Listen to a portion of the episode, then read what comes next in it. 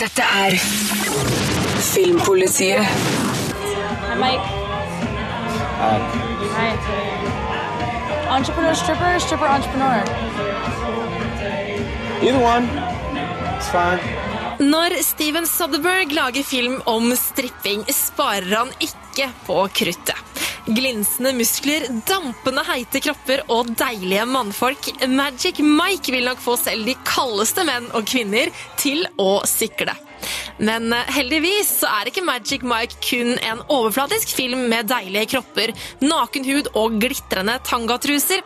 Dette er en film med velskreven dialog og interessante rollefigurer. So if you could wake up and do the one thing that make you the happiest every morning, The happiest. yeah, money aside, you know. Money aside, I would wake up Når den 18 år gamle Adam, spilt av Alex Pettifer, mister college-stipendet sitt, flytter han inn på sofaen til storesøsteren som bor i Tampa, Florida. Den tiltaksløse Adam føler seg som et null, helt til han møter Mike Lane, spilt av Channing Tatum, en erfaren stripper som tar Adam inn under sine vinger og skaffer ham en jobb på den lokale strippebula Exquisite. Historien om den uerfarne nykomlingen som viser seg å være god, er et scenario vi har sett mange ganger før. Men selv om det kan virke sånn i starten av filmen, så er det ikke den historien som fortelles her. Det er Mike og hans ønske om å komme seg vekk fra livet som strippestjerne for å realisere drømmen om sitt eget møbelsnekkerfirma som er i fokus. Just Magic Mike kan skryte av et velskrevet manus som gir deg både humor, alvor og en liten dose romantikk. Filmens beste scener er dialogen mellom Tatum og Cody Horn, som spiller Brooke, søsteren til Adam. Tatum er sjarmerende, morsom og troverdig i rollen som Mike, og samspillet mellom ham og Horn er strålende.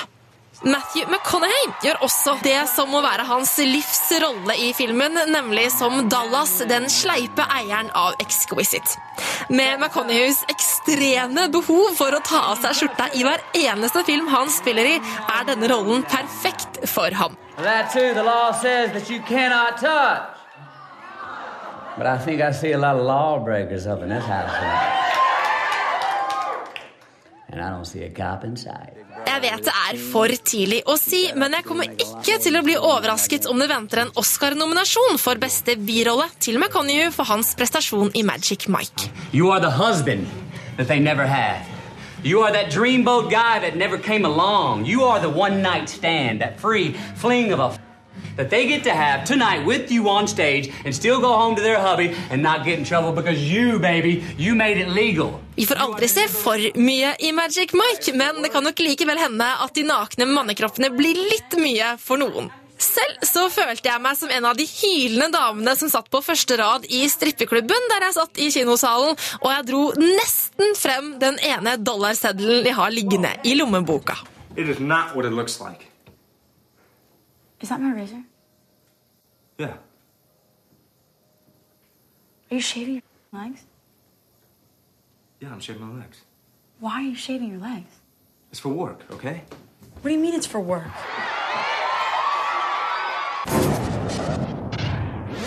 Dette Filmpolitiet på P3. Da jeg var på Berlinalen, den internasjonale filmfestivalen i Berlin i februar, så fikk jeg med meg en artig film eh, med Charlize Theron i hovedrollen. Og komedien Young Adult det var en film jeg likte ganske godt, og denne uka så kom den på Blu-ray og DVD. Og nå skal vi få et gjenhør med hva Birger Vestmo sa om Young Adult i sin anmeldelse da filmen kom på kino her til lands. Welcome to Hampton Inn. Do you have a reservation? Charlize Theron viser seg fra sin beste og verste side i Young Adult. Best som i skuespiller med et allsidig talent, og verst som i figur med tvilsom moral og usympatisk framferd. Verst er altså òg positivt ment. Teamet bak Juno, regissør Jason Reitman og manusforfatter Diablo Cody, forteller en morsom, trist og skarp historie om balldronningas mindre glamorøse gjenkomst til hjembyen. Ikke alt oser av like høy troverdighet, men Theron er en glede å se gjennom hele spilletida. Is that a dog in your bag? No. Alle tror Mavis Gary, spilt av Teron, er en suksess i storbyen Minneapolis, men hun har det ikke bra. Privatlivet er mislykka, karrieren går dårlig, og hun er alkoholisert. Plutselig får hun invitasjon til dåpsfesten for det første barnet til ekskjæresten Buddy, spilt av Patrick Wilson. Hun klekker ut en eh, lite gjennomtenkt plan, nemlig å reise til hjembyen, gjenerobre sin gamle kjærlighet og leve lykkelig resten av sine dager. What are you doing back in Mercury? Or you move back, or Of course not. Gross. Mavis må ha vært en herlig figur å bryne seg på for Teron. Hun er strålende upolitisk korrekt i sine tanker, handlinger og samhandling med andre mennesker. Hun lyver, konspirerer, baksnakker og sparke nedover. Teron spiller hun med fryktløst mot, men gir hun samtidig en sårbarhet som stadig stikker frem. Filmens mest bittersøte scene skjer når Mavis møter Matt, spilt av Patton Oswalt, den gamle skolekameraten hun knapt ensa den gang da, men som nå blir en slags alliert i kampen for å gjenvinne Buddys gunst. Eller rettere sagt, han blir en fornuftens røst som forsøker å få Mavis til å innse at slaget for lengst er tapt. Samspillet mellom Teron og Oswald veksler mellom å være både søtt, salt og surt. Det kommer et slags klimaks i Young Adult som virker en smule anstrengt. Det blir en stor konfrontasjon som jeg ikke syns fungerer helt. Frem til da har nemlig historien hatt et preg av realisme, men plutselig drar regissør Reitman og manusforfatter Cody frem et godt gammeldags filmknep som skal gjøre alle flaue på de involvertes vegne. Heldigvis gjøres det godt igjen med en avslutning som desidert ikke er av det venta slaget, og som gjør at jeg misliker Mavis Gary enda mer enn da filmen starta. Mavis, I'm a married man. We can beat this thing together.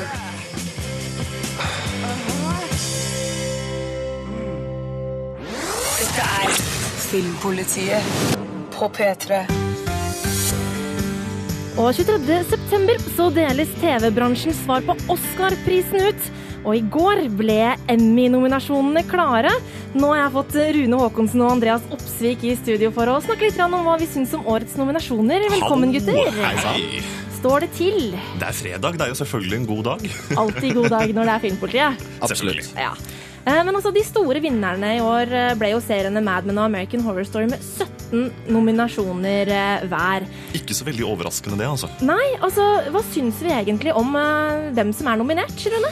Eh, At Mad Men igjen stikker av med så mange nominasjoner, og mest sannsynlig priser eh, når vi kommer til september, det, det er jo overhodet ikke overraskende.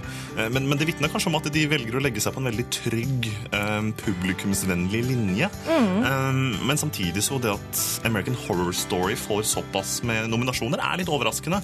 Det er jo en serie som er ganske ny. Eh, Den har ikke etablert seg så mye. Men eh, vår egen Torfinn Borchhus, som tidligere jobba i Filmpolitiet, han mente jo at det var en, eh, en av høstens mørkeste serier. Og gnagende uhygge i serieform skrev han om den, og den begynte i Norge eh, for Ja, når var det den begynte, da? Det var vel i fjor høst, det. Ja, Men utenom eh, American Horror Story så er det jo på en måte de samme seriene som får storparten av nominasjonene hvert år. Altså, Andreas, er akademiet for feige til å liksom satse på noe annet enn de store tungvekterne? liksom?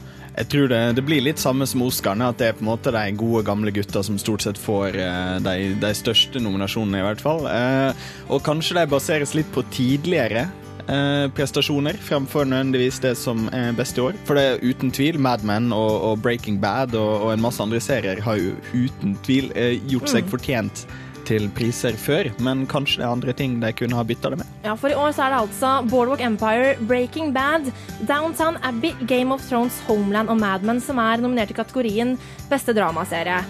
Og det er jo ingen av de her som er spesielt overraskende, utenom kanskje underdoggen Homeland. Jeg vil faktisk si at jeg ble litt overraska over Downtown Abbey, som er en britisk TV-produksjon. da. Ok. Ja, ja, for de hoppa jo inn. De ble jo lansert i USA nå i, i, i høst, og Ja. har liksom tatt litt med storm. Litt på samme måte som de har gjort her. Ja, for, for det er jo en veldig populær serie her i Norge. Så at jeg, jeg vil faktisk påstå at det er Downtown Abbey som er eh, outsideren her. Og ikke minst også kanskje den som, som kan faktisk stikke av med, med prisen for beste dramaserie. Det er jo en knallgod serie. Vi skal snakke litt mer om eh, hvilke serier vi håper stikker av med de største prisene. Men eh, det er etter litt musikk her eh, i Filmpolitiet. Dette er P3. I Filmpolitiet akkurat nå så snakker vi om Emmy-nominasjonene som kom i går. Andreas og Rune er i studio. Og Hallo, hallo. Hallais, gutta! Eh, vi har jo snakket litt om hvilke som er eh, nominerte, men hvem er det vi heier på? Hvilke serier er det vi håper stikker av med de store prisene i år? Altså, I kategorien beste komiserie, som er jo ganske høyt uh, hengende, så, så, så har jeg en liten tro på at Modern Family igjen kan, kan stikke av med den Igjen? prisen. altså. Eh, fordi de gjorde jo en ganske um, overraskende storeslem i fjor. Ja. Eh, og jeg tror at det kan de nok gjenta delvis i år. Jeg holder en knapp på Girls, for det er jo en, eh, en ny uh, serie som uh, har kommet nå. Det usminka virkeligheten om jentelivet i Ikke Brooklyn. sant? er det ikke Og det? jeg, jeg håper at den serien eh, vil få mye oppmerksomhet. Eh, Men hvilke serier er det du håper på, Andreas? I best komiserie så litt usikker, men det hadde vært gøy med Girls, som du sier. Men ellers så er jeg glad i alt som er britisk, så derfor håper jeg at, eh, at Sherlock bare rensker med seg alt jeg har fått av nominasjoner. Ja. Eh, men altså, det er, jo, det er jo ikke alle som har fått som nominasjoner, selvfølgelig, for det går jo ikke an. Eh, hvilke er det vi savner, og som- vi kunne ønske at eh, hadde blitt nominert? Altså, jeg er faktisk ikke så, så misfornøyd. Er det ikke det? eh, For at jeg ser at Jim Parsons fra Big Bang Theory er nominert for beste mannlige hovedrolle i en komiserie. Um, Breaking Bad er nominert for beste dramaserie. Mm. Uh, og selvfølgelig så er jo godeste, godeste, godeste Bryan Cranston, altså hovedpersonen i Breaking Bad, nominert til det jeg nesten vil tenke meg er en garantert seier i kategorien beste mannlige hovedrolle i en dramaserie. Ja. Uh, igjen, ja. Ja, vi får håpe også at eh, Peter Dinklage eh, stikker av med seieren for beste mannlige birolle i en dramaserie, sånn som han gjorde i fjor. For rollen i eh, godeste Game of Thrones, ja. Riktig, Yes. for han er virkelig dyktig, altså. Så jeg er egentlig ikke så veldig misfornøyd, men, men, men, men jeg, jeg tror jeg må si at det, det, det er litt få nye ting. Det er veldig mye trygt. Ja. Og jeg tror nok at det igjen faller ned på at eh, de vil at Emmy-showet også skal være så seervennlig som mulig for, for, for TV-seerne. Filmpolitiet på P3. Da Oscar-statuettene ble delt ut tidligere i år, så gjorde den franske stumfilmen The Artist nesten rent bord når det kom til de største prisene. Den stakk nemlig av med fem Oscar-statuetter og fikk den gjeve prisen for beste film, mens regissør Michel Hasnavicius fikk prisen for beste regi. Men fikk du ikke med deg The Artist da den kom på kino i februar, så kan du få en ny sjanse nå. Filmen kom nemlig på Blu-ray og DVD denne uka, og nå skal vi få et gjenhør med Birger Vestmo sin anmeldelse av filmen.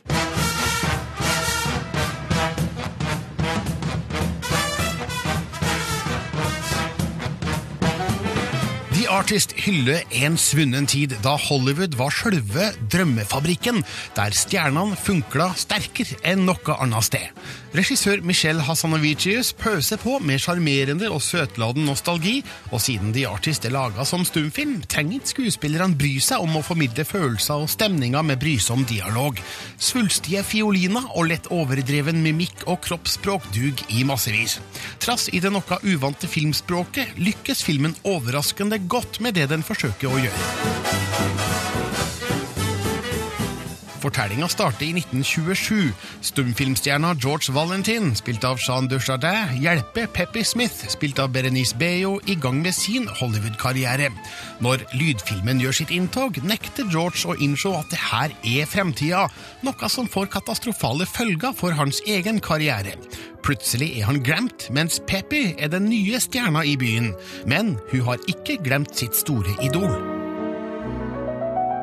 The Artist er nydelig i skildringa av det gamle Hollywood, og hvilken betydning den gryende filmindustrien hadde hos allmennheten. Se bare på ansiktsuttrykkene til det hengivne publikummet i en tidlig scene. De er som sugd inn i eventyret de ser utfolde seg på lerretet.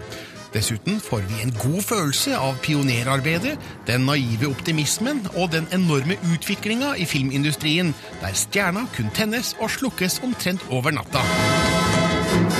Historien i seg sjøl er ganske enkel. Det handler om en mann som har alt, mister alt, og hvordan han kommer seg tilbake igjen. Men det er en fryd å oppleve Jean Dujardin i hovedrollen. Hans George Valentin oser av klasse. Den smale barten, det blendende smilet, det finkjemma håret. Denne fyren har perfeksjonert utseendet til en klassisk stumfilmstjerne. Berenice Beyo er òg frisk, frekk og nydelig som Peppy Miller, jenta som forelsker seg i Valentin og får karrieren i gang takket være han. De spiller svært godt innafor sine rollers stramme rammer. Regissør Michel Hanasavicius har gjort en genistrek ved å filme historien som en stumfilm nesten hele veien. Det er med på å understreke historiens kontekst, forsterke tidskoloritten og gir han muligheter til å leke med lyd i noen svært effektive scener. Jeg skal ikke avsløre hvordan det gjøres, men det her er elementer som er like virkningsfulle som den røde kåpa i Steven Spielbergs Schindlers liste. The Artist er absolutt en annerledes film. Noen vil kanskje synes stumfilmaspektet virker fremmedgjørende, men jeg finner filmen svært lett å bli glad i. Den romantiserer over en lav sko, og fraværet av dialog forenkler figurenes reaksjonsmønstre og utvikling gjennom historien, men jeg liker det jeg ser veldig godt. The Artist er retrogull.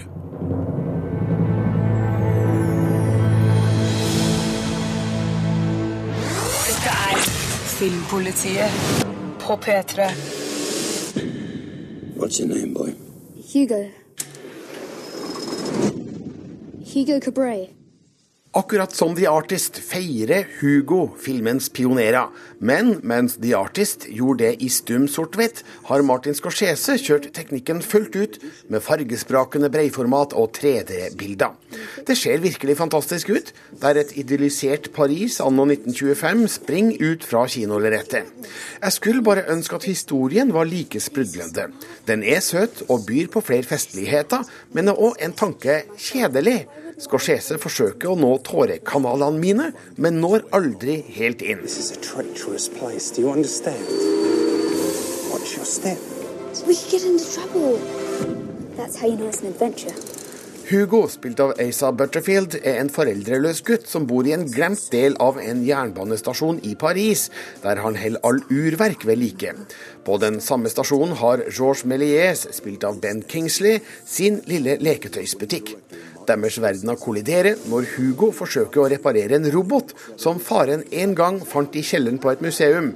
Det viser seg at roboten er laga av George, som har en glemt fortid som filmskaper. Where did get this? Det er ingen tvil om at historien holder en høy teknisk kvalitet, og at Scorseses evne som historieforteller fremdeles er i god behold. Alle gjør sitt beste for å få eventyret levende. Skuespillerne, både de små og store, er fine i ikke altfor kompliserte roller. Det som irriterer meg litt, er at historien av og til er direkte kjedelig uten noen rivende utvikling eller uventa vendinger. Historien er kanskje i overkant trygg, og jeg har en mistanke om at den beveger seg litt for sakte for de yngste kinogjengerne. You've tried to forget the past for so long. Maybe it's time to try and remember. The story's not over yet. Hugo er en helt fin familiefilm, med enkelte store kvaliteter på billedsida. Men i Martin Scorseses lange rekke av filmer er det her en av de mindre markante. Han viser at også han kan leke med 3D, men han er vant til å fortelle sterkere historier enn det her. He searched to find a secret message I need to know what this means. and how that message lit his way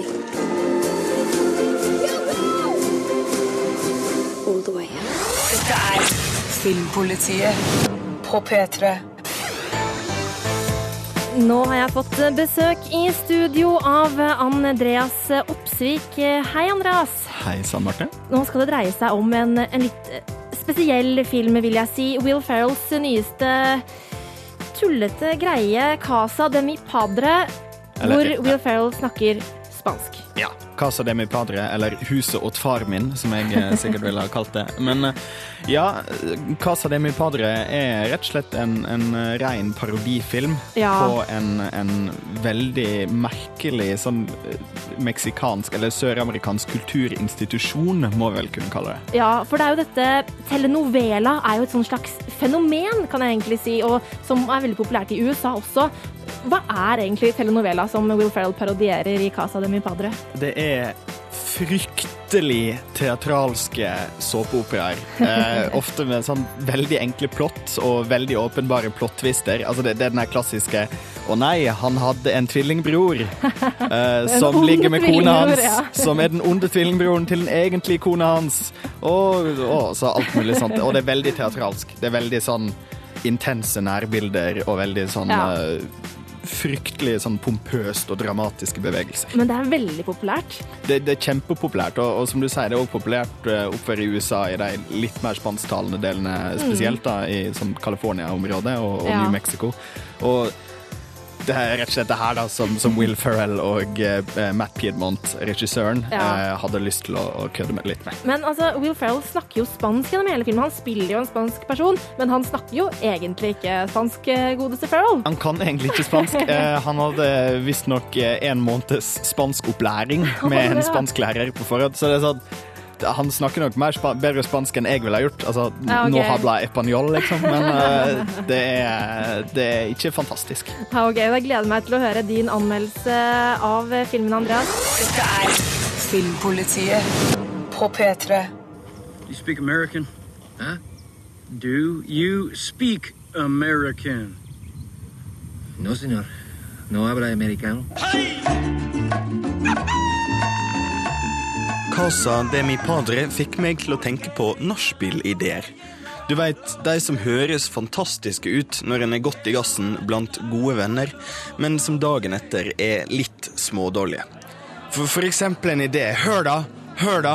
Om vi lager en film der vi parodierer sånne, sånne spanske såpeoperaer, sånne telenovelas, sant? Og så, og, så, og så snakker vi alle spansk, sjøl om jeg ikke kan et ord spansk.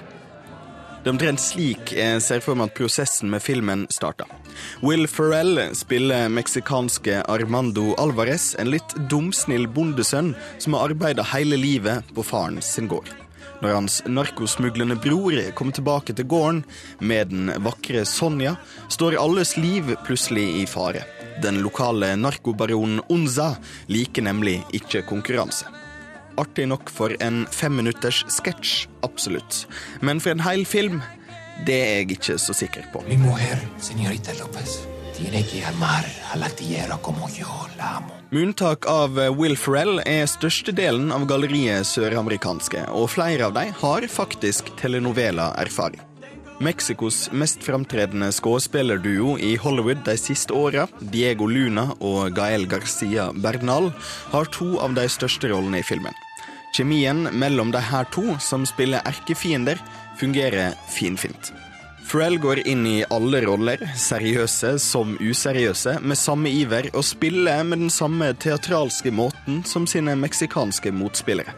Det er platt og det er pompøst, men det skal det da være. Det er en del av universet.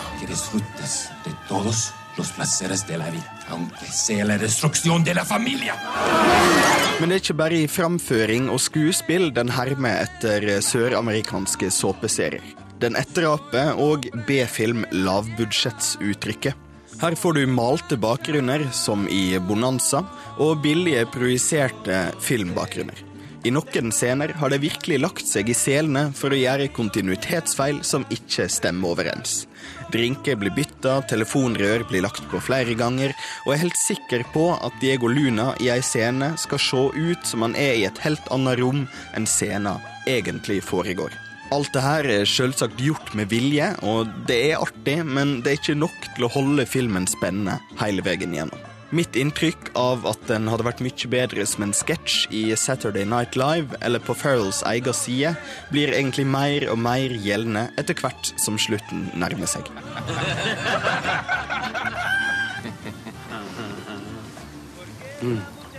Om du var av typen som forguda MacRuber, eh, Saturday Night Lives MacGyver-parodi, for andre ting enn ren 80- og 90-talls nostalgi, så kan det godt være du har noe å finne her. For meg har de her to filmene mye til felles. Et småartig konsept, men gjennomføring med tung hand og for få latterutbrudd til å spreie utover en halvannen time med film. Min evige venten på noe som kan måle seg med Anchorman, holder frem.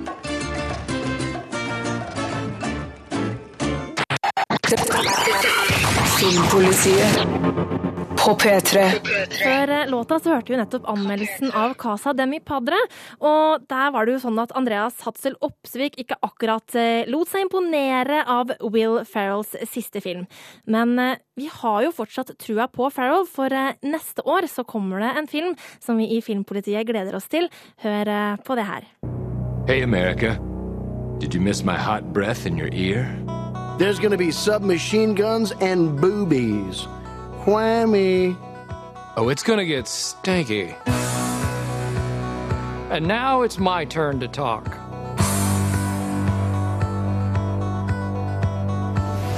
Rick, give a nice message to the people. In this movie, we play witches. Brick, what are you possibly describing? Look, it's it's going to be a fun movie. Ja, vi håper at det blir en gøyal film. Andreas, har du tro på Anchorman 2? Altså, Anchorman 1 er jo kanskje en av de morsomste sånn rene absurdkomediene noensinne. Eh, så det har litt å hoppe etter. Altså, Det har satt lista for seg sjøl veldig høyt. da. Ikke sant? Og altså, Casa de mi padre er ikke akkurat retta mot et eh, europeisk marked som ikke har peiling på hva telenovelas egentlig handler om. Nei. Eh, men ja, selvsagt. Vi må jo få lov til å håpe. Ja, for det, altså, Will Ferrell holder jo på med så mye rart, og noen ganger så kan man kanskje lure på om han begynner å miste grepet som komiker. Men han gjør vel ikke det? Nei, jeg tror det. Altså, sånn humorting er vanskelig uansett, og alle eh, komikere bommer en eller annen gang. Ja. Eventuelt de finner på en idé som som sagt kanskje er morsom på nachspiel, men ikke like godt utført. Ja. Så jo da, han har det nok fortsatt. Og Will Ferrell har jo et prosjekt eh, på nettet som er ganske så morsomt. Og det er vel også kanskje et TV-program, Funny or Die? Funny or Die er i hvert fall nettside med sånn Ja. forskjellige webserier der han og, og vennene hans egentlig eh, legger ut eh, masse interessante prosjekt. For de som var spent på Batman-slutten, så har de en fryktelig interessant variant av en foreslått slutt på den siste Batman-filmen der. Ja. Hvis, men ikke, hvis du er på jobb, ikke se på den. Hvis du er på ferie, sett deg en plass der det er bare du som ser, skjermen, og så søker du opp eh, Batman, Funny or Die. For uh, han har jo en eh, humor som kanskje kan være litt grov for noen, han Will Ferrell. Ja, det er han. Og det gjelder jo egentlig hele gjengen der. Hvis de får lov, og internett er jo fritt for alle, Mm. så kan de gå langt over mange streker. Ja, Vi gleder oss i hvert fall til, til Anchorman 2 kommer til neste år. Eh, Men selv om du ga filmen terningkast tre, Andrea, så tror jeg kanskje jeg kommer til å ta en titt på Casa de mi padre likevel, altså. Du klarte ikke skremme meg helt unna. Nei, sant. og du som hører på, du kan jo gå inn og lese Andreas' anmeldelse på p3.no filmpolitiet. Vi fortsetter å ha trua på Bill Ferrell eh, her eh, på radio og i Filmpolitiets redaksjon, eh, altså. Dette er Filmpolitiet på P3. Filmpolitiet presenterer I starten av juli kom eventyrfilmen Abraham Lincoln Vampire Hunter på kino her i Norge. Men eh, dette er ikke den eneste filmen om Abraham Lincoln som kommer i år. Steven Spielberg har nemlig lenge jobba med filmen Lincoln, og denne uka avslørte Dreamworks at filmen får kinopremiere i USA 16.11. i år. Det er foreløpig ikke satt noen dato i Norge ennå. Og Steven Spielberg han har jo gått i en litt annen retning enn de gjorde i Abraham Lincoln Vampire Hunter. Filmen Lincoln er et historisk drama om den amerikanske borgerkrigen som er basert på Doris Goodwins biografi om den amerikanske presidenten Team of Rivals, The Political Genius of Abraham Lincoln. Andrew Stanton er en av tungevekterne hos Pixar Studios, med filmer som Wall-E, Småkryp, Oppdrag Nemo og Toy Story på CV-en. Det hjalp riktignok ikke hans spillefilmregidebut John Carter, John Carter fra å bli en flopp, som førte til et tap på 200 millioner dollar for Disney.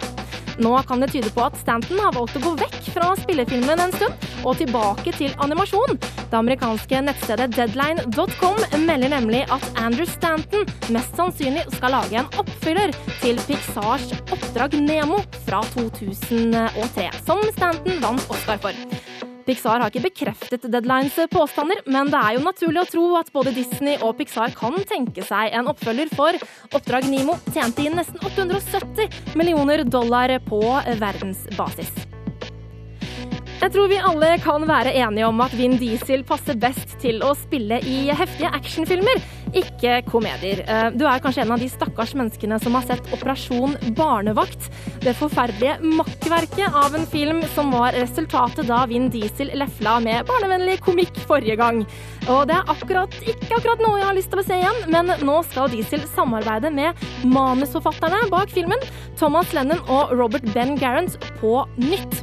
De har jo bl.a. skrevet manuset for Natt på museet, og nå skal de altså lage filmen The Machine sammen med Diesel, som står som både produsent og skuespiller på prosjektet. Filmen skal visstnok ha et helt originalt eh, manus, eh, men jeg syns kanskje at plottet i The Machine eh, minner veldig om tegnefilmen 'Gutten og jernkjempen', som var basert på Ted Hughes' roman 'The Iron Man', som jo også Vin Diesel hadde stemmen til eh, jernkjempen i den eh, filmen. Så ja, vet ikke helt om jeg har trua på det prosjektet.